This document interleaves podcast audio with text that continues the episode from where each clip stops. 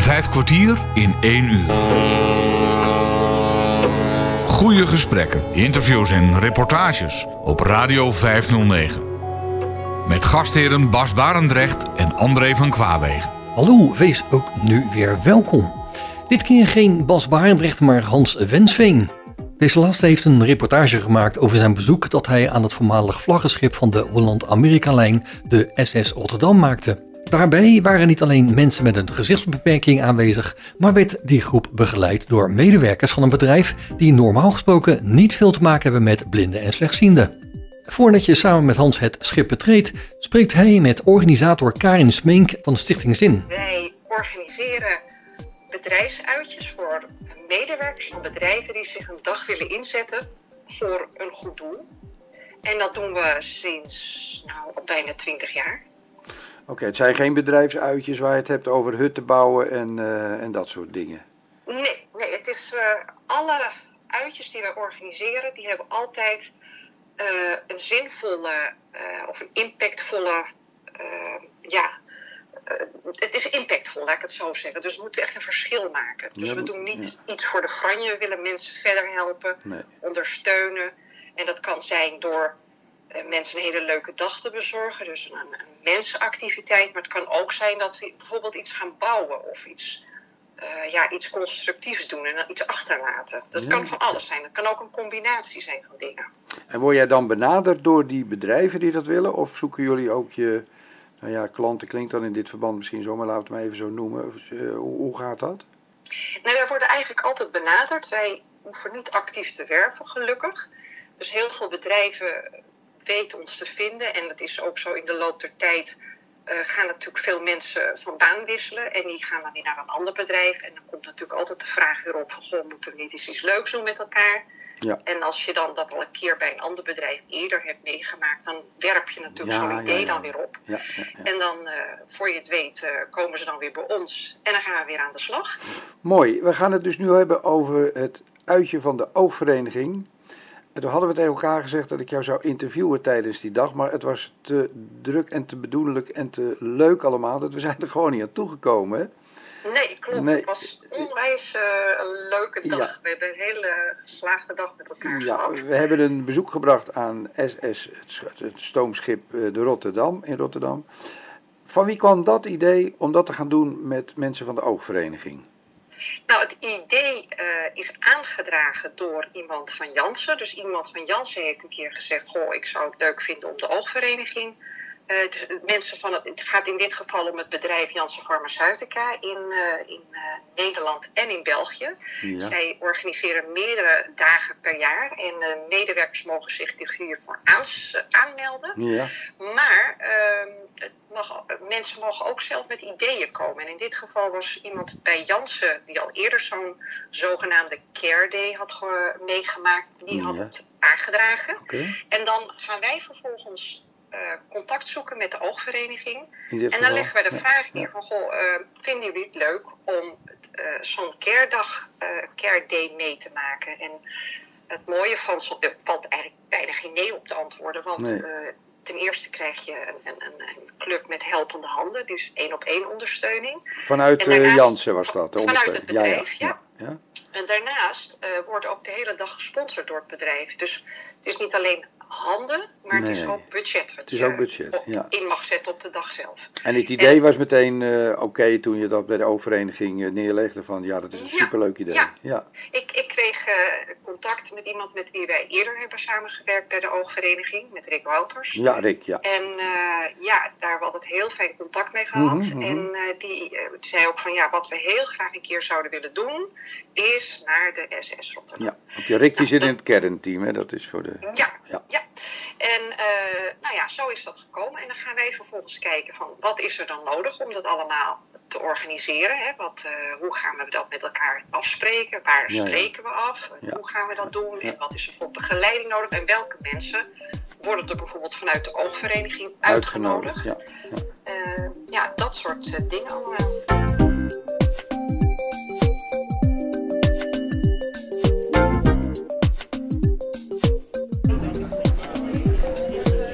Het is vandaag 30 augustus. Ik sta op het Centraal Station bij het Meeting Point.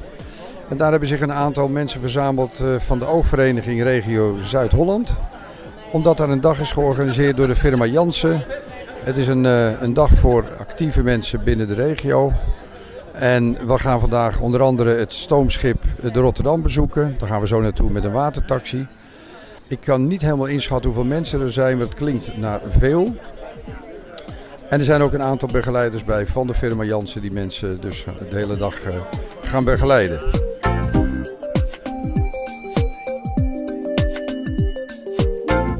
Rick, we staan eh, op het Centraal. Jij bent eh, betrokken bij de organisatie van deze dag.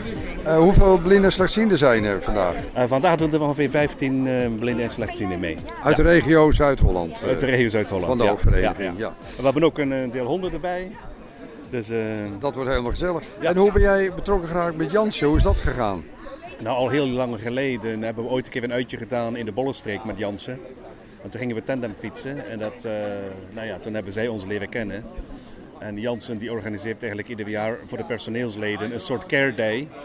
Waarbij dat uh, ja, personeel van Janssen iets kan doen voor de maatschappij. En Janssen hebben het over de farmaceut? Janssen Pharmaceuticals, ja. ja, ja. En, en, zo kennen ze ons. En ze, ze belden mij vorig jaar van, kunnen we weer iets doen?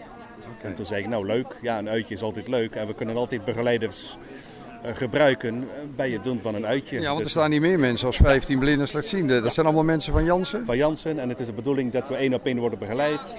Dat de mensen van de Janssen ook even zien van wat is het, een persoon met een visuele beperking. Ja. En het is een beetje een leermomentje voor ons allemaal. En, maar plus ook het leuke uitje. Ja, en het programma is dat we naar uh, Stoomschip de Rotterdam gaan met watertaxis. Ja. En de rest van de dag, hoe ziet dat eruit? Nou, dus we gaan met de watertaxi naar het stoomschip. Daar uh, laten we even de hondjes uit, denk ik. Uh, dan krijgen we koffie en gebak en een rondleiding. En na de rond, volgens mij is het de rondleiding van anderhalf uur. Oké, okay. wat verwacht je van de rondleiding? Ja, ik, ik weet het niet Hans, want het is natuurlijk een oud schip. Dus ik hoop dat ze wat kunnen vertellen over de geschiedenis. Maar misschien ook een beetje over, over de, de stoomopwekking, over hoe dat werkt. Ja, ja. Of misschien ook een beetje over de hutten. Hè? Van, van, hebben ze speciale hutten voor de, voor de ene persoon of de andere. Maar, maar ik ben benieuwd. Ja, ik, ja de meer bemiddelde en de... En de midden, midden, ja, ja. Ja, ja, dat is net zoals de Titanic. Hè? De, ja, de, ja, de, en ik weet niet, ook niet hoe diep dat schip is. Of, nee, uh, oké. Okay. Hoe groot het is. Ik heb ook geen groot. idee. Nee, ik ook niet. Ja, ja, ja. Dat is wel heel leuk. Heel leuk uitje. Dankjewel. Ja, ik denk het ook. En het weer is fantastisch. Ja, die is helemaal geschikt voor jou. Hé, hey, dankjewel.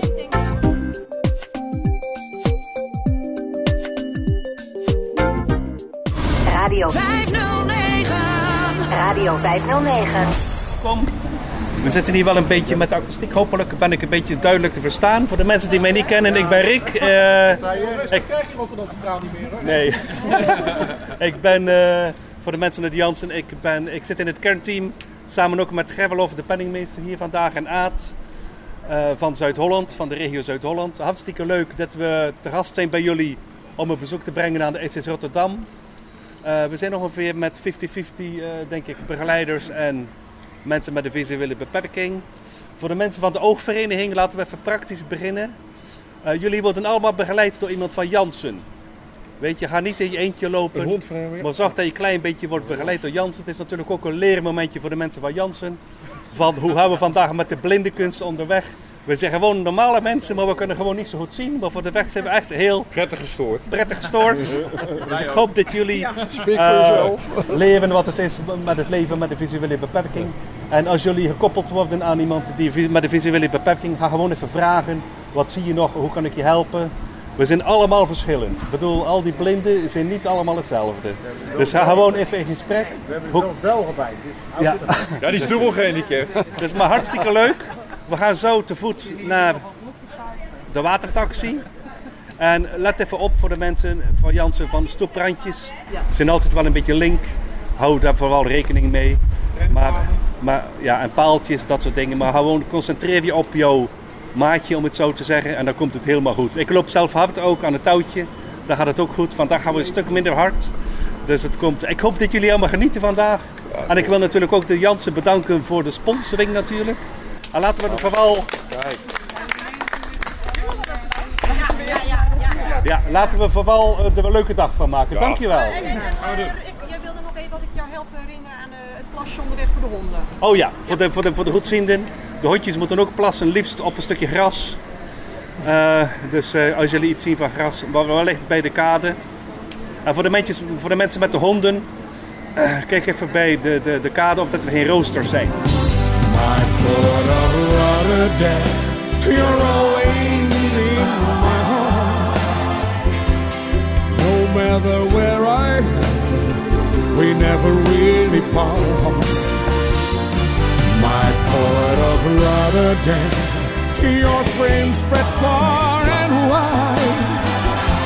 My harbor without change, you filled me up with pride. Hans Wensveen bracht onlangs een bezoekje aan het voormalig vlaggenschip van de Holland-Amerika-lijn, de SS Rotterdam. Nou, we zijn na een wandeling van uh, nou, ruim een half uur zijn we beland uh, bij de watertaxi, waar ik inmiddels ook op zit met mijn uh, begeleidster van vandaag. En het water hoor je wel.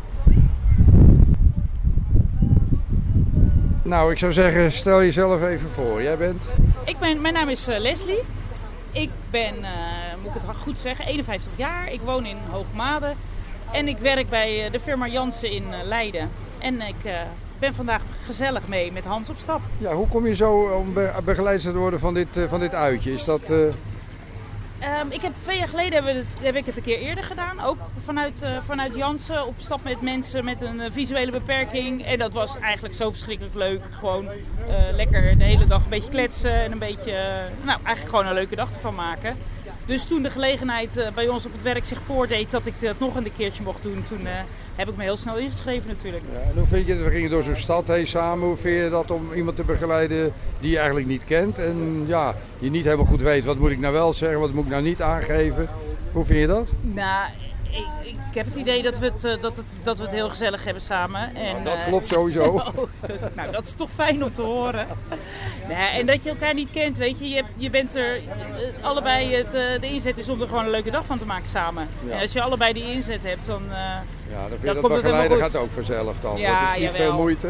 En misschien vraag ik te vaak, kijk uit voor een paaltje, kijk uit terwijl het niet nodig is. En Misschien ben ik te voorzichtig bij de trap. Dat is dan misschien uh, een dingetje. Ja, dat hadden we een stukje spannender kunnen maken. Ja, de, de, avond, de dag is nog niet voorbij, hè? Nee, inderdaad. We gaan zo naar het uh, stoomschip de Rotterdam. Ben jij er wel eens op geweest? Ik ben er wel een keertje bij geweest, maar toen mochten we er niet op. Dus ik vind het heel leuk dat ik er nu wel op mag.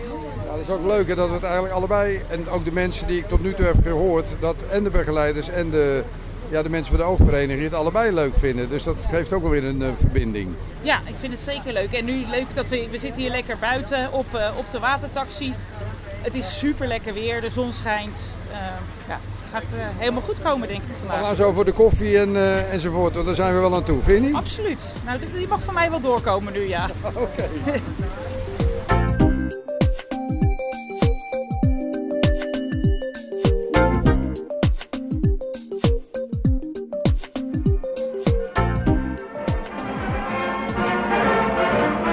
kwartier in één uur. 14 december 1956 wordt op de werf van de Rotterdamse Droogdokmaatschappij de eerste vlaksectie gelegd voor het SS Rotterdam.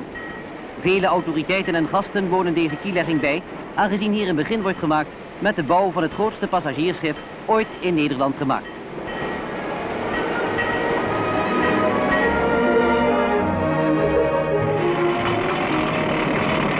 Een belangrijk evenement is het plaatsen van de twee bronzen schroeven, welke elk een gewicht hebben van 23.000 kilogram.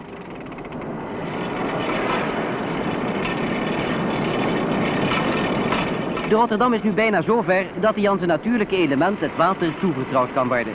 Het schip weegt nu meer dan 18.000 ton en is het zwaarste schip dat tot dusver van een Nederlandse werf te water is gelaten. En dan is het 13 september 1958. De dag waarop de Rotterdam door Hare Majesteit de Koningin te water wordt gelaten.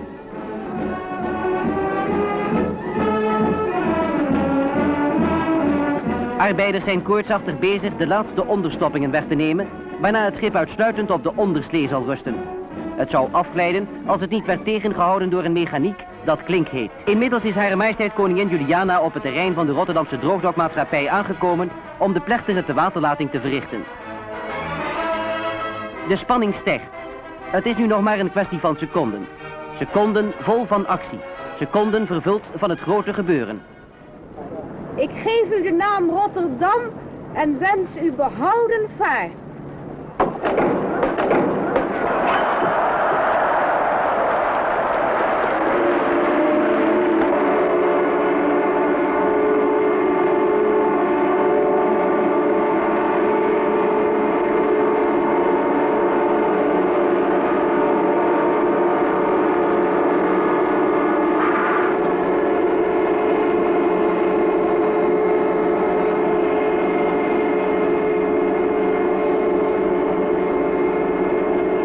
Als een trotse getuigenis van Nederlandse ondernemingsgeest en durf, ligt daar het SS Rotterdam voor het eerst in zijn element.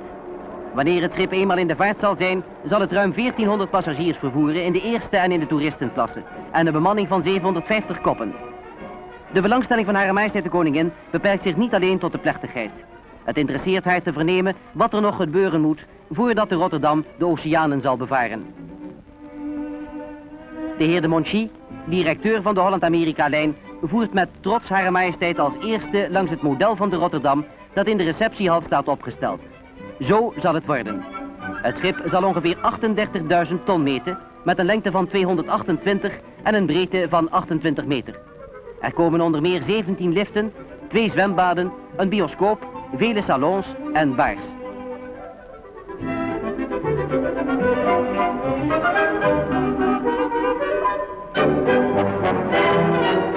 Ingenieur van der Pols, directeur van de Rotterdamse Droogdokmaatschappij, dankt in zijn toespraak Hare Majesteit voor haar bereidwilligheid de naamgeving en de tewaterlating te verrichten. Als aandenken overhandigt hij haar het daarbij gebruikte bijltje. Op de zijkant van de kop van dit bijltje staan de datum en de naam van het schip gegraveerd. Het is uitgevoerd in veredeld staal en het werd de koningin ten geschenke gegeven in een fraaie cassette van amandelhout met edele leersoorten, goud en robijnen versierd. De heer de Monchy zegt onder meer de Rotterdam te beschouwen als een onderdeel van de reconstructie van de stad Rotterdam. Het grootste passagiersschip ooit in Nederland gebouwd zal duizenden mensen van alle nationaliteiten over de zeven wereldzeeën voeren en zo meehelpen de volkeren nader tot elkaar te brengen. Een dronk op de stad Rotterdam en op het schip dat haar naam draagt besluit de plechtige tewaterlating.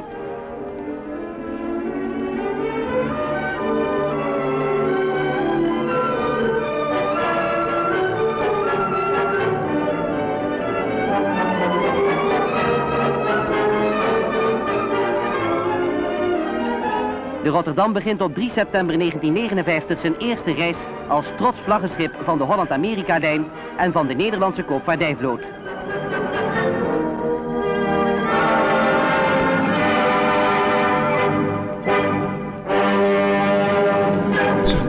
trappenhuis van de SS Rotterdam.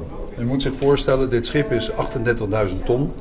Dus gelukkig hebben we maar één trappenhuis. Je moet zich ook voorstellen dat de andere schepen die nu varen, die zijn zo groot, die zijn zo groot, die hebben drie trappenhuizen. Dat is leuk, want dan zoeken je 14 dagen als je aan boord bent, zoeken je 14 dagen te pletteren. En je moet zich ook voorstellen, hier bijvoorbeeld in dit trappenhuis, eh, er, zijn dus eh, er zijn twee trappen. Eén trap is, deze trap is voor de eerste klas passagiers. En die trap die aan de, achterkant, aan de achterkant loopt, die is voor de toeristenklas passagiers. We hadden hier twee eetzalen beneden. Eén eetzaal is de toeristklas eetzaal. Daar zaten twee keer 400 personen te eten. En hier zitten we in de eerste klas eetzaal. Daar gaan we dus zometeen gaan we daarin. Maar je moet zich ook voorstellen dat, dat die, die scheidingwand, dat is glas. Dat zijn zes lagen glas op elkaar gebrand. En nu, eh, het is, er zit heel veel, ik wil steeds u ziet, u ziet. Maar, Ja, doe maar. Ja, ja. Maar het is nog heel wat anders natuurlijk. Hè. Gewoon doen. Maar, die, maar er zit, ja, we doen alsof, maar u ziet, ja. Ik, probeer het steeds te omzeilen, maar goed, al aan. nee, nee. Wat zie ik daar Dus eigenlijk? zien we daar, dan zien we daar dus zes lagen glas op elkaar gebrand. Ze konden elkaar ook niet zien. En hier stonden halverwege stonden, stonden dus eh, wanden om de eerste klas ook van de toeristenklas-passagiers te scheiden. Dat stond allemaal hier. Want dat was natuurlijk. Maar dat was alleen maar in de periode dat het schip het voer, voer als lijnschip. U moet zich voorstellen, het schip heeft als lijndienst, als, als lijnschip gefungeerd. Dat wilde zeggen Rotterdam, Southampton, New York, New York, Le Havre, Rotterdam. Dat was een reis van drie weken uit en thuis. Ja?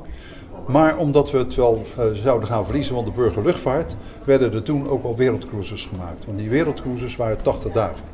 Dus normaal gesproken, ja, normaal gesproken gingen er altijd zo'n 1400 passagiers mee.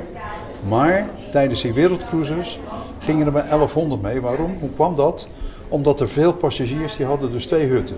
Eén hut voor de kleding en één hut om te slapen. Ja, tuurlijk. Want je moet luisteren, 80 dagen onderweg. Moet je natuurlijk wel 80 kleedjes meenemen voor iedere avond een ander kleedje. Dat is duidelijk, hè? En natuurlijk de nodige, nodige smokings. Dus dat, moet, dat werd dan wel gedaan. Ja, maar dat was natuurlijk weggelegd voor rijke Amerikanen. Want in Nederland, we hadden nog van de honger nog geen ontlasting. Dus dat kon allemaal niet. Maar goed, dat, eh, dat is allemaal, allemaal dik voor elkaar gekomen. Vijf kwartier in één uur. Hans Wensveen bracht samen met deelnemers van de oogvereniging en medewerkers van de firma Jansen een bezoek aan de SS Rotterdam. Je hoorde zojuist onder andere dat het in de 50 jaren voor de gewone Nederlander niet mogelijk was mee te gaan met dit schip. Dat gold echter niet voor prinses Beatrix, die in 1958 de allereerste reis van het schip meemaakte. Op Radio 509. Op de kade brengen velen de prinses een afscheidsgroet voordat ze zich inscheept op de Rotterdam. Aan het einde van de gangway wordt prinses Beatrix bij het betreden van het schip verwelkomd door de gezagvoerder Commodore Bouwman. Vrijwel onmiddellijk hierna begeeft de prinses zich naar de voor haar in gereedheid gebrachte hut. Gedurende de zeereis van acht dagen kan haar koninklijke hoogheid zich hier zo nodig nog extra voorbereiden op de taken die haar wachten in Amerika, waar zij eregast zal zijn bij de feestelijkheden ter ere van Henry Hudson, die 350 jaar geleden in Nederlandse opdracht de oceaan overstak en toen de later naar hem genoemde Hudsonvallei exploreerde. Met alle patrijspoorten verlicht begint de Rotterdam zijn tocht naar Amerika. Tijdens de oceaanreis vaart het schip in een uitgebreid hoge drukgebied.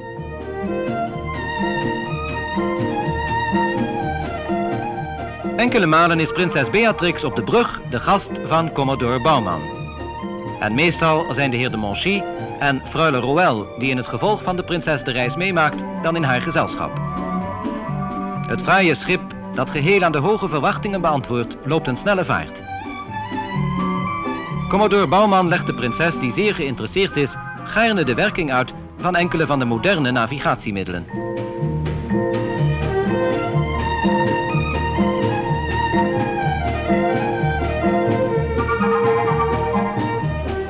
Elke nieuwe dag aan boord is wat het weer betreft een kopie van de vorige.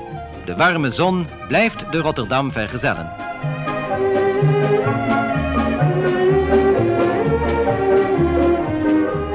Wie op het achterdek een zonnebad heeft genomen, behoeft niet ver te gaan voor een zeebad.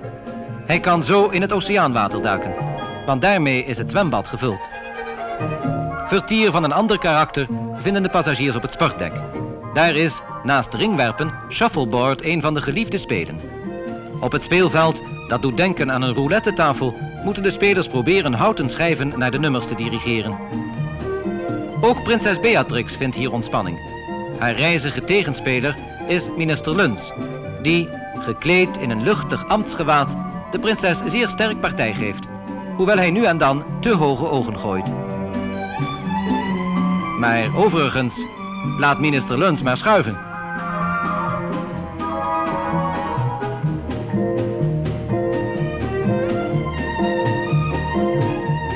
En zo nadert dan de trots van de Nederlandse koopvaardij zijn plaats van bestemming. Geleid door ervaren zeelui en geholpen door hypermoderne instrumenten, vaart de 38.000 ton metende Rotterdam precies volgens schema over de Atlantische Oceaan. New York is gereed om onze oudste prinses gastvrij te ontvangen. Na een prachtig verlopen reis vaart de Rotterdam langs het vrijheidsbeeld de haven van New York binnen. Na het bezoek aan Washington vliegt de prinses nog diezelfde dag terug naar New York, waar op de Rotterdam te harer ere s'avonds een gala-diner wordt gegeven. In een zeer fraai, met half edelstenen bezet satijnen avondkleed maakt prinses Beatrix haar entree, begeleid door de heer de Monchy. Tot de 700 genodigden behoren onder andere de minister van Buitenlandse Zaken, Mr. Luns, en de Nederlandse ambassadeur in Washington, Dr. Van Rooyen.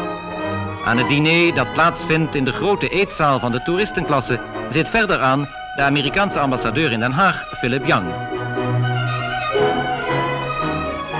Op de buffetten van Commodore Bouwmans schip zijn prachtige ijsformaties gebeeldhouwd.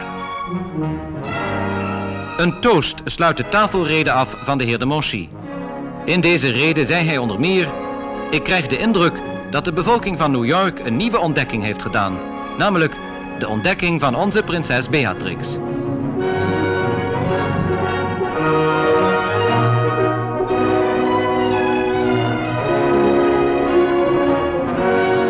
Pas om middernacht eindigt het diner dat gegeven werd door het Nederlandse Hudson-comité. Hoe was dat in 1958? Want toen was, was je net nieuw. Ja, was je net nieuws. Eerste reis. Hoi Klaas, en jij ook? Nou, New York gewoon, hè, heen en terug. Meer niet. Daarna heb ik op de Rijn en Maasdam gezeten en die cruisereizen gemaakt en zo. Nieuw Amsterdam. Wat deed u aan boord? Eh, ja, ik was nog jong, 15. In de pantry meestal. Pantry. eh bediening is dat, hè, horeca.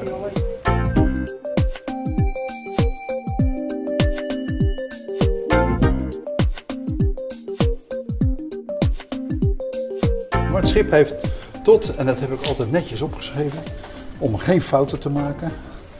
Het begint een heel vies papiertje te worden, dat begrijpt u wel hè. Kijk, dat heb ik, eh, nou, dus 1959 in de vaart gekomen. Het schip is gebouwd bij de RDM, de Rotterdamse Droogdokmaatschappij. Dat is hier vlakbij, dat is aan de Waalhaven, de Heiplaten, misschien kent u het wel. Het schip heeft 39 jaar gevaren onder de vlag van de Hond Meerkelijn. Ehm, tot 1998 werd toen verkocht aan de Premier Cruises. De Premier Cruises hebben er nog drie jaar mee gevaren. Die gingen failliet en toen lag het schip in Halifax. Het schip heeft drie jaar, jaar lang op Halifax gelegen en werd toen versleept naar de Bahama's. En van de, van de Bahama's werd het op een gegeven moment versleept naar, oh sorry, werd het op, op een gegeven moment versleept naar, eh, naar Cadiz. Want Joep van der Nieuwenhuizen had dit, eh, dit schip gekocht. En die zou dus dit schip gaan gebruiken voor het een of het ander. Maar Joep die had er één sleepbootje voor gezet. Had het goed verzekerd. Want Joep had het idee, het zou wel eens heel slecht weer kunnen worden. En dan zou het schip wel eens kunnen vergaan. Maar dat is mijn slechte gedachte over Joep.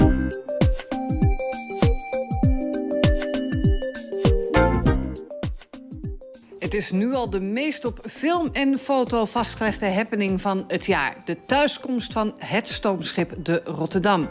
Ook op het Sjaarloze Hoofd op Rotterdam-Zuid stonden gisteravond honderden mensen te wachten. Velen natuurlijk met de camera in de aanslag. Links van dat uh, gebouw. Links van dat gebouwtje. Ja, links.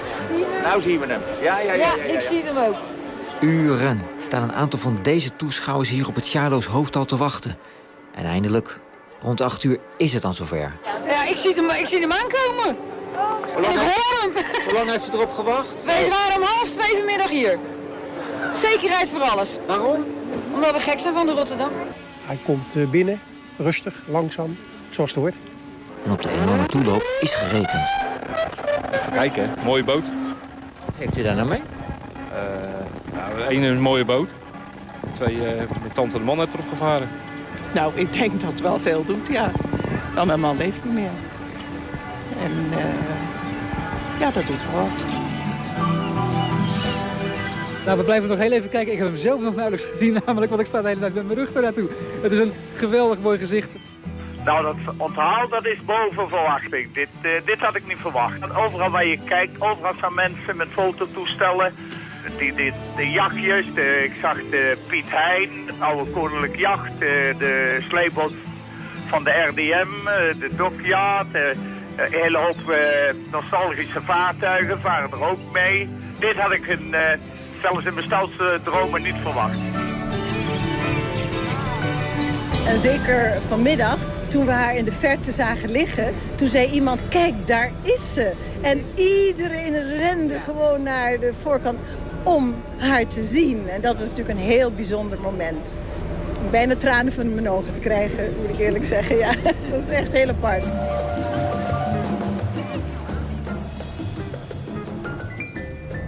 Dan gaat voor mij gaat keer de flits van Gibraltar, Cadiz, uh, Gdansk, uh, Willemshaven, Branden, Zwaluwnest, Asbest. Je verzint het maar. En uh, we hebben drie jaar hebben met ons team er keihard aan gewerkt. En we hebben steeds het geloof gehad. Dit schip brengen we terug naar Rotterdam. En nu het er is, ik heb het... Ja, ik, iedereen vraagt me naar mijn gevoel, naar mijn emotie. Trots. Trots, trots op al die Rotterdammers die ook van vanaf Hoek van Holland... tot hier, tot aan Katendrecht... aangegeven hebben... wat zijn we blij met dit schip. Trots dat ik heb, dit heb mogen meemaken. Fantastisch. Maar Joep heeft er nooit ene stuiver aan betaald. Je moet zich voorstellen, de woonbron, de woningbouwvereniging, heeft dat allemaal betaald.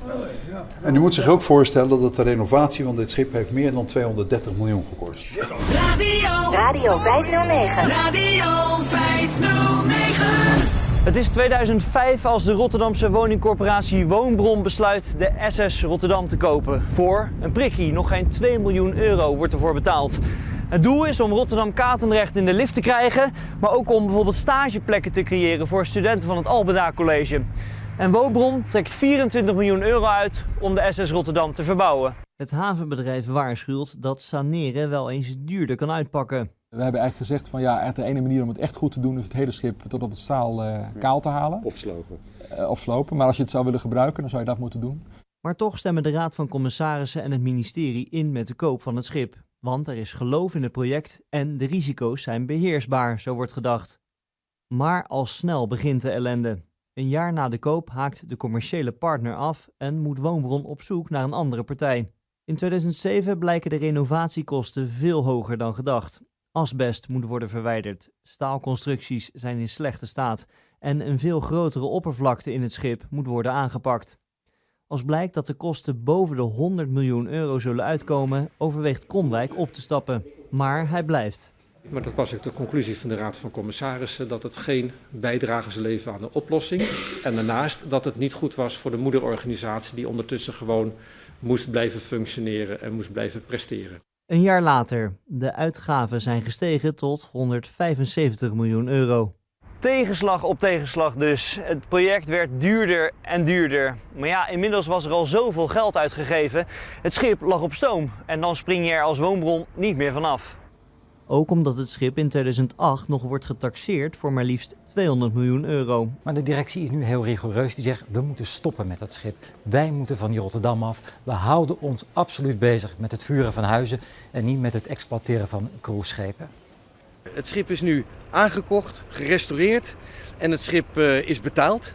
Maar het schip hoort niet thuis bij een woningcorporatie. En wij willen dus, nu het schip goed geleid is en uh, goed operationeel is, willen wij er ook afstand van gaan nemen door verkoop.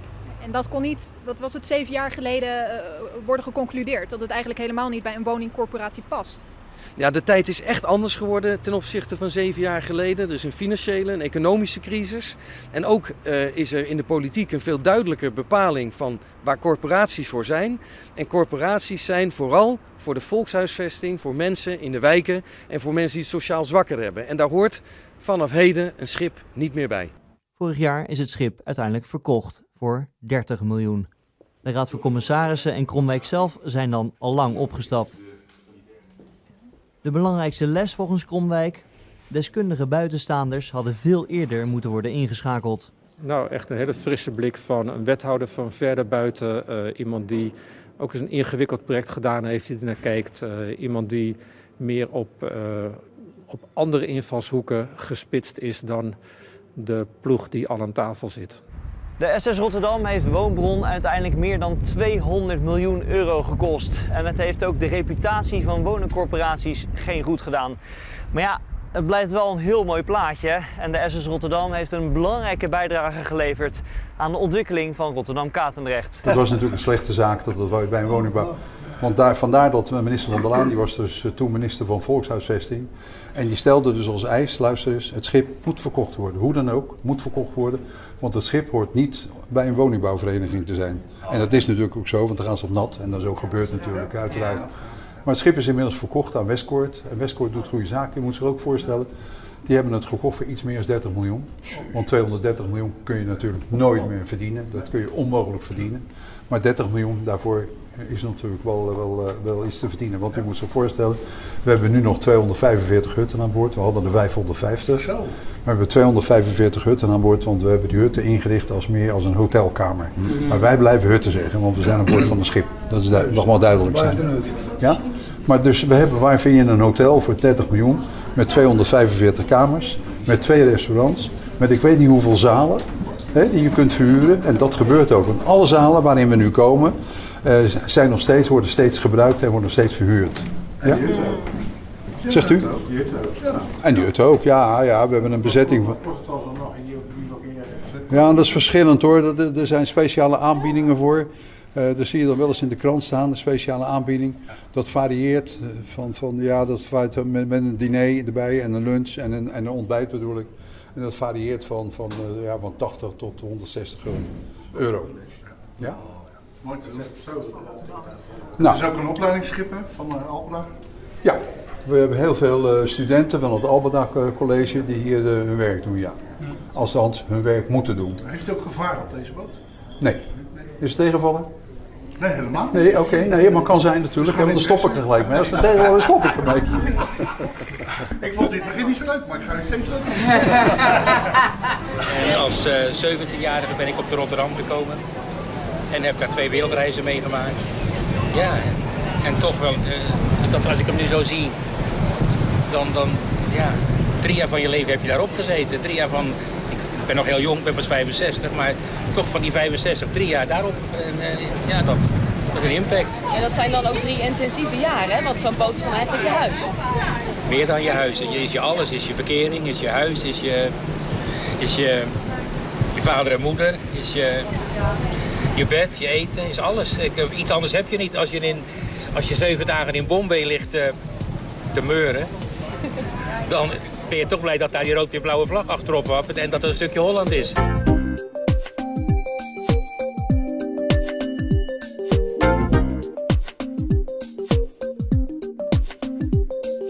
Je brengt samen met Hans Wensveen bij vijf kwartier in een uur een bezoekje aan het voormalig vlaggenschip van de Holland-Amerika-lijn, de SS Rotterdam. Aan de andere kant hebben we de La Fontaine, die vertellen het verhaal van La Fontaine. En dan moet je zich ook voorstellen, La Fontaine. Chagall heeft dus ook bij een bepaald boek, op bepaalde boeken van eh, La Fontaine ook de, de, tekeningen gemaakt. Chagall, een eh, kunstschilder uit, eh, uit Rusland, die gevlucht is, want het was een Joodse, Joodse kunstschilder, die is gevlucht. Eh, heeft er een tijdje in, in Duitsland gewoond, maar dan moest hij ook weer vluchten. Naar Parijs gegaan.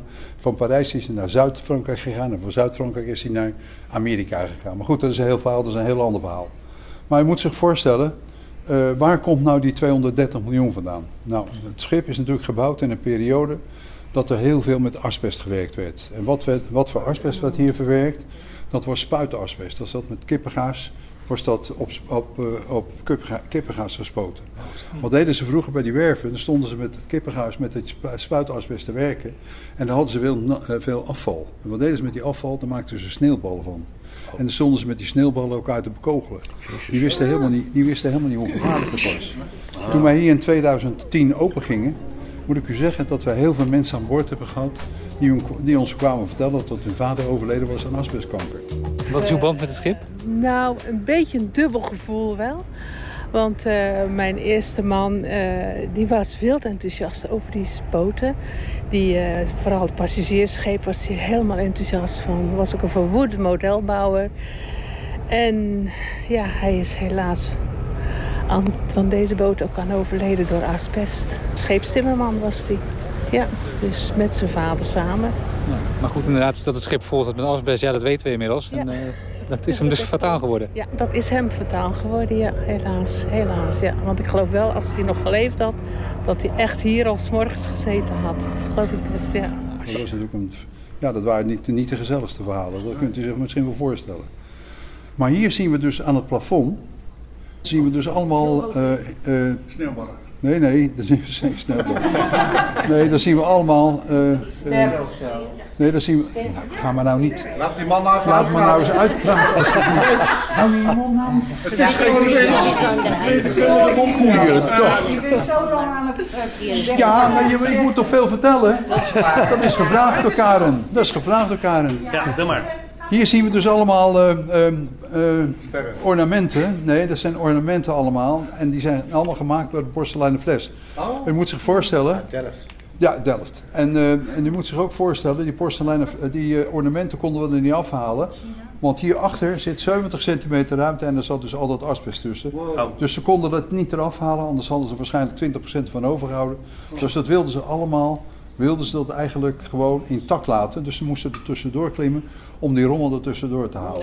Tussenuit te halen, ziet u? Maar dat is natuurlijk fantastisch als je, dat, als je dat op die manier kunt doen en zo kunt bewaren. Want dat was natuurlijk het belang. Dat was natuurlijk... En hier zien we dus aan de zijkanten, daar zien we dus ook weer speciale hieroglyphen hangen. En die waren toen de tijd aan de binnenzijde voorzien van 18 karaat bladgoud. Hmm. In de renovatie niet hoor. Je, was dat blad, want het schip heeft natuurlijk drie jaar opgelegd gelegen. Nou ja, wat doet de in de tropen onder andere? Wat doet het dan? Dan is het natuurlijk ongelooflijk geruineerd, dan is het allemaal weg. Dus dat is met een la- laagje goudverf is dat gedaan. Nou, aan de zijkanten zien we dus hier allemaal die panelen hangen die vertellen het verhaal van Odyssee. Heel belangrijk is dat natuurlijk wel. Odyssee, kent het wel, hè? dat is natuurlijk een, eh, een Griek die, eh, die, eh, die toen de tijd, in, die tijd, in die tijd leefde. Maar goed, dat zijn ook allemaal panelen, zijn ook allemaal gemaakt bij de porseleinenvlees in Delft. Is dat Achter relief, die- die panelen? Wat Ja, zegt u? Is dat relief? Ja, dat zijn relief, reliefs. Is dat origineel nog van uh, de 1958? zeg je? 1956. 56. Het schip is gebouwd van 1956 tot Maar dit 1959. is origineel, dat, dat. Dat is allemaal origineel. De bovenkant is origineel. De hieroglyphen aan de, de, de hier, Oké. die zijn ook allemaal origineel. Het is eigenlijk helemaal origineel. Behalve het tapijt, dat is helemaal vernieuwd. Ja, oké. Want we hebben hier natuurlijk speciaal tapijt aan moeten schaffen. Brandvertragend tapijt. Ja, ja.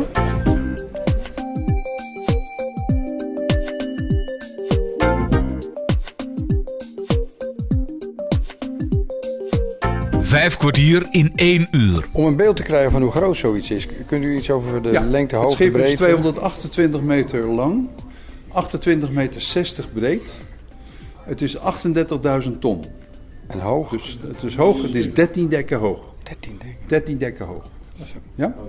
Waanzinnig. Ja. Twee motoren aan boord, althans turbines, want het was een turbineschip uiteraard. Hè? Het ging natuurlijk op stoom. Ja. Ja? En dan zo'n snelheid? Ja, en dan zo snel. Ja, schepen op stoom die konden die snelheid maken, meneer. Ook bij de marine waren het allemaal stoomschepen. Ja, inderdaad. Dus die konden allemaal die snelheden maken. Dus we maakten stoom op olie. Olie gestookt en er werd olie en er werd stoom mee, mee opgewerkt. Ja. En dan, wat zei u, hoeveel ton per uur? 10 ton olie per uur. 10.000 liter. En hoeveel kon je meenemen dan? Wow. als die, eh, naar de... 3.500 ton. Zo. Dus genoeg voor, eh, voor een paar dagen. Ja, genoeg. Genoeg voor een paar dagen. Onwijs. Ja. En daar is, de, daar is natuurlijk de, de Premier Cruises op failliet gegaan. Daar zijn ze nat op gegaan. Tuurlijk, het was veel te duur in gebruik.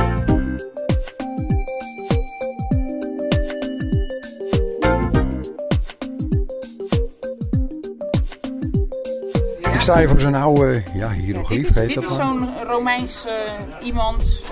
Weet je dat zijn hoofd hier nu voelt? Griekse soldaat, Ro- Romeins, wat zei je? En dit zijn bladeren, een soort eh, bomen staan daarnaast. Keramiek, hè? Die, eh, ja, hier, dit is, dit is een, een soldaat. Hier, Ja, ik moet zeggen, ik haal het er niet... Oh ja, Ja, ik haal en het er hier, niet kijk, helemaal wacht, uit. eh, dit is dan Ja? zijn arm. En hier hebben ze zwaard.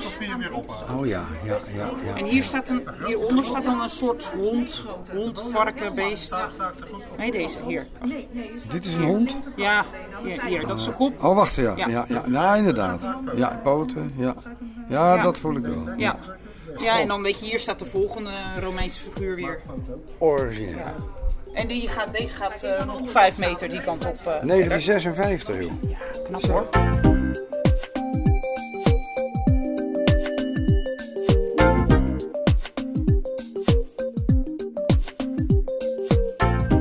Radio 509. Ruim waarin we dus wat uitstallingen hebben gedaan van eh, allerlei borden die we nog over hebben uit het verleden. Eh, er werden heel veel herinneringsborden gemaakt bij de Borselijnen Fles, blauwe borden. Maar je moet zich ook voorstellen, kijk hier staan we dus ook aan de onderkant zien we twee schepen. Daar zien we de Nieuwe Amsterdam en dan zien we dus de Rotterdam daarnaast liggen. De bedoeling was dus dat de Rotterdam het zusterschip zou worden als eh, het zusterschip zou worden van de Nieuwe Amsterdam. Ook qua uitvoering zou het precies eender worden als de Nieuwe Amsterdam. Maar dat schip is gebouwd in 1932 en dit schip is gebouwd in 1956. En in die jaren werd er zoveel in de tekening veranderd dat het eigenlijk een totaal ander schip is geworden. Ook aan de buitenkant? Ook aan de buitenkant, ja. Een heel ander schip. De, Rotter, de Amsterdam, dat was een heel mooi schip. Dat lag dan, als een strijkijzer lag het op het water. Heel mooi plat op het water. En de Rotterdam zat er altijd een klein beetje bovenuit. Dat is heel, heel typisch. Maar dan gaan we hier naar binnen toe. Dan gaan we hier het voormalige casino. Rotterdam een beetje. Komt u vast.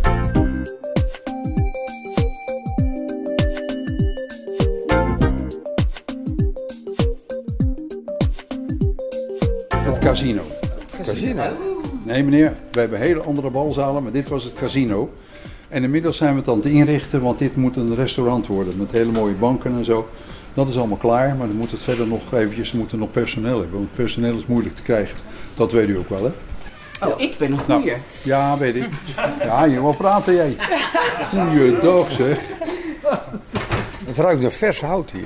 Ja, dat is de vloer, Ja, nou de vloer niet. De vloer is eigenlijk eh, oud. Oh. Die is eigenlijk van, vanaf eh, 56 al. Oh. Maar hier, maar hier hebben we dus in de hoeken hebben we vier, eh, vier gobelins hangen. Nou, ik heb u al gezegd, die gobelins... Wat was schommeling? Gobelin, gobelin. Dat is een, een, een, een, eh, ja, is een geweefd, eh, eh, geweven eh, tapijt eigenlijk. Zoals, ja, een, een soort doek. Maar dat kunnen ze dus als schilderij gaan gebruiken. Maar u moet zich voorstellen, die, die, die gobelins, de originele gobelins die hierin zaten, die werden in Cadiz ge- gestolen. Dus, eh, maar goed, de tekening had gelukkig de ontwerpster, mevrouw Witteloostijn, die is 102 jaar geworden overigens, die had gelukkig de tekening nog bewaard. Die tekening hebben we opgestuurd naar het Textielmuseum in Tilburg. En in no time zijn er nieuwe gobelins gemaakt in de echte originele kleur zoals zij het ook bedoeld had. Zo. Dus eigenlijk waren ze beter als de originele. Ja? Dus die oude zijn niks meer waard. Nou, die zijn, eh, die- nou, die zijn natuurlijk wel waard. Die kunnen ze ergens wel gebruiken. Nou, hier zien we dus ook eh, de lampen hangen. Die lampen die lagen beneden in de ruimen. En die werden allemaal bij elkaar gezocht. Want het is allemaal glas. Dat is Murano glas. Dat is gemaakt in Murano. En die lampen die moesten allemaal bij elkaar gezocht worden. Dat was natuurlijk een heidens karwei. Want dat moest natuurlijk allemaal passen. Ze waren allemaal een beetje verschillend van maat. En de laatste lamp die, er nog- die gemaakt is, is de lamp daar in het midden. Die grote lamp die daar, eh, daar zit. Zie u? Hoe groot is groot? Als ik vraag me. Nou, nou, die is wel een meter, die is wel een meter rond. Meter. Een meter rond. Een meter rond en eronder hangt weer een kleinere lamp en die is dan ongeveer zo'n pakweg 70 centimeter rond. Zie u? Het is heel mooi geslepen glas. Nou, hier hebben we natuurlijk ook iets wat natuurlijk heel veel met Rotterdam te maken had. Eh, te maken had. Want dit is natuurlijk een, eh, dit is de hoorn des overvloeds van eh, Erasmus. Hier. Ziet u? Een, eh, een, eh, reliefwerk. Ja, Ah, reliefwerk. Toch? Ja. Ja. Maar is dat tegen de muur of hier die paal? tegen de muur. Oh, tegen de muur. oké. Een soort met panelen, met relief. eh, Want er staat nog iets op. Ja, ik zie het. nu. Iets met Erasmus Rotterdam staat erop. My port of Rotterdam, you're always in my heart. No matter where I am, we never really part. My port of Rotterdam, your fame spread far and wide. My harbor without you, you fill me up with pride. Hans Wensveen gaat nog even in gesprek met Karin Smeenk van Stichting Zin. En dat in verband met het gemaakte uitje naar het stoomschip Rotterdam. Was dit voor jou de eerste keer om eh, met een eh, groep visueel beperkte mensen op pad te gaan? Eh, hoe was jou? Ja. ja? Ja, dat was voor mij. Wij hebben het wel vaker gedaan. Hè? Ook eh, mijn collega heeft het vaak begeleid. Ja. fietsen met tandems. En, Mhm. Nou, van verschillende dingen. Eh, volgende week bijvoorbeeld gaan we ook weer naar het eh, Militair Museum in Soesterberg. Oh, prachtig. Ja. Met een oogvereniging uit Utrecht. Oké. Ehm, dus we hebben heel veel eh, activiteiten in het verleden gedaan, of heel veel, regelmatig. Ja, ja. Eh, wij Mhm. weten elkaar iedere keer wel weer te vinden. En ook omdat het zo ontzettend uniek inkijkje geeft in het leven van eh, mensen met een visuele beperking. Want je hebt eigenlijk geen idee, hè? Nee. Wij, eh, wij zien natuurlijk alles eh, Ja. als een haafik, zien wij Mhm. alles. Maar je hebt geen idee wat het is om een beperking te hebben of helemaal niet te kunnen zien. Nee, had je daar verwachtingen over toen, toen je aan die dag begon? Hoe keek je daar ja, naartoe? ik, ik, ik moet zeggen, doordat mijn collega natuurlijk al meerdere keren met jullie op stap is geweest en altijd razend enthousiast is over de, Ja. de deelnemers van de oogvereniging, ha- had ik dus al heel veel informatie van tevoren. Dus ik, ik vond het, ik had er, de verwachtingen die ik had, die kwamen helemaal uit. Ja, maar de ja. mensen van het bedrijf merkte ik echt dat die razend enthousiast waren en ook Klopt. onder de indruk Ja. vooral. Eh, hoe ongelooflijk knap het is wat jullie doen. En, en, maar ook hoe jullie zo ontzettend leuk eh, toch ook wel erin staan. Hè? Jullie maken het niet zwaarder dan het is. Nee. En eh, Nee, ja, het zal ook per, per persoon verschillen. Zeker. Iedereen verkeert natuurlijk in een andere omstandigheid. Dus laten we dat niet te veel algemeen eh, Nee, nee, nee, maken. maar ook... maar, ja. maar op de dag zelf voelde het heel luchtig. En wel Ja. met veel grapjes werden dingen Veel humor, ja. opgelost. Ja, het was ook een Heel leuke groep. humor. Ja. En dat maakte het ook wel helemaal Ja. fijn voor de groep. Eh, Mhm. Die kon meteen ontspannen. Ja. Eh, wat, wat, het kan best wel een beetje spannend aanvoelen, zoiets, Mhm, de eerste mhm. keer. En, en dat pakten jullie ontzettend goed op. Maar waarschijnlijk zijn jullie dat ook heel erg gewend om dat eh, wat, wat eh, Ja. uit dus, ja, Ja, nog even terugkomen op, op wat je zei van eh, dat het zo razend knap was. Kijk, het, het- het- de meeste mensen zijn het natuurlijk een tijd gewend en zijn ook door een stukje revalidatie of een soort gewenning zijn ze natuurlijk wel eigen geworden met de beperking die ze hebben en ook op de manier waarop ze daarmee omgaan. Dat is inderdaad verschilt ook per persoon uiteraard. Maar ja, wat, wat is knap, hè, zeg ik dan op zo'n moment. Ja, ja, dat is ook maar ja, betrekkelijk hoor. Ja, dat begrijp ik ook wel. Maar er zit, ik sprak bijvoorbeeld iemand die nog niet zo heel lang geleden die eh, beperking heeft Ja. gekregen. Mhm. En, en, en dan zie ik die door die stad hobbelen met groot enthousiasme en optimisme. En dan denk ik, nou, ik, Ja. dat vind ik knap. Ja. Ik weet niet hoe ik daar zelfs mee om zou gaan. Maar misschien Misschien ook hetzelfde. Ja, Ja, het ja. zal ook wel een rouwproces zijn waar je dan doorheen gaat, noem ik het altijd Als maar. het wordt Maar Het wel. zal ook niet meteen acceptatie zijn. Nee, maar dat is inderdaad zo. ik vond in ieder geval nu dat ze eh, bijna huppelend door de stad gingen. En ik, Ja. ja. ik, ja, ik neem een petje ervoor af. Ja, nou, en sowieso eh, heel veel enthousiaste reacties. Maar over en weer van beide partijen dus. dus Ja, ik vond het ook wel. eh, ik vond het ook wel leuk. Ja, mooie ontmoeting. Dat is goed wat je zegt. Ik vond het ook wel leuk om te merken aan die eh, meneer die eh, ons eh, rondleidde als groep, want het werd in twee gesplitst. En die man die had in het begin, die worstelde echt om het woord zien en kijk daar te vermijden. Dat werd heel krampachtig voor die man. Totdat we op een gegeven moment zeiden, "Joh, je moet dat gewoon zo zeggen. Want wij zeggen ook, wij hebben gisteren televisie gekeken en we hebben ook dat gezien. En het is een spreektaal, die moet je niet, die moet je niet krampachtig gaan maken. Dat heeft die man ook heel snel opgepakt. En dat was ook, dan denk ik ook, ja, misschien ook even een leermomentje voor hem geweest. Ja, Zoals ja. er ook nou, dan is het ook. Je voelt Ja. je een beetje opgelaten als je zegt, nou ik zie je of, eh, Ja. of ik zie het niet zitten. En dan kom je er ook Zo achter hoe vaak je het woord zien en kijken en dergelijke gebruikt. Maar jullie, jullie gebruiken het ook, Ook, continu aan de lopende band. Dus ik voelde heel snel van, oh dat is helemaal oké. Nou, in het begin worden er natuurlijk altijd wat flauwe grapjes gemaakt. Altijd. Ja, dat hoort er ook bij. Dat is gewennen, dat is de bruggen bouwen, hè. noem ik het dat altijd maar zo. ja, ja. precies. Ja, heel mooi. Ja. Ja. Nou, ik vond het een Nou ontzettend leuke dag en supergoed georganiseerd. Dat is een compliment ook voor jou en je organisatie, zeker. En, eh, Dankjewel. ik hoop eh, ja, in de toekomst misschien toch nog een keer eh, met jullie mee op pad te mogen, want ik vond het echt een enorm succes. Ja, ik hoop het ook, Hans. Je bent ook een echte smaakmaker. Die heb je ook altijd nodig in een groep. Mensen die met veel enthousiasme en plezier door de dag eh, heen Ja, gaan. ja, ja, en, eh, en, en ontzettend verbindend eh, zijn in een groep. Ja. Dus ik, wij hebben er ook ontzettend van genoten. En ik, iemand anders van de oogvereniging die stuurde mij ook een berichtje. Heel lief eh, reacties Mhm, mhm. kreeg ik. En eh, toen zei ik ook, ja, soms, ik doe natuurlijk heel veel van dit soort dagen. Ja. Wij noemen dat zelf zinevenementen, hè, van zinnig, Zinevenement, zinvol. ja, ja. Mhm. En, ehm, maar eh, ja, de ene dag is de andere niet. Ze zijn allemaal zinvol, ze hebben allemaal impact, Mhm, mhm. of maken impact. Maar sommige dagen, dan denk je, ja, dit is gewoon, was gewoon een heel Ja. warm bad waar we Ja, met z'n allen in zaten. absoluut. En dit was heel erg warm bad. Een Ja. Lekker, lekker Nou, warm bad. Mooi om te horen. De herinneringen zijn voor mij ook de foto's die je later stuurde, die ik natuurlijk zelf niet kan zien. Maar eh, toch met de beschrijvingen eromheen kwam het allemaal weer terug. Dus eh, Ja, dat was en ook voor heel de, leuk. voor de mensen om je heen die Zeker, het wel leuk vinden ja. om misschien te zien waar je geweest bent. absoluut. En, Ja, hè? ja. Nou, dankjewel Karen. En, eh, Graag gedaan. Dankjewel. Dag. Zin-evenementen met veel zin. Ik bedank je mede namens Hans Wensveen en Bas Barendrecht voor het luisteren. En heb je nog vragen of opmerkingen of wil je zelf eens aan het woord komen? Of weet je een onderwerp waar Bas achteraan kan gaan? Dan kan je een mailtje sturen naar bas.radio509.nl Dit programma is overigens ook te beluisteren via de podcast van deze zender. Geniet van de rest van deze dag, blijf luisteren naar Radio 509 en tot een volgende keer. Vijf kwartier in één uur is een programma van Bas Barendrecht. Techniek André van Kwaabegen.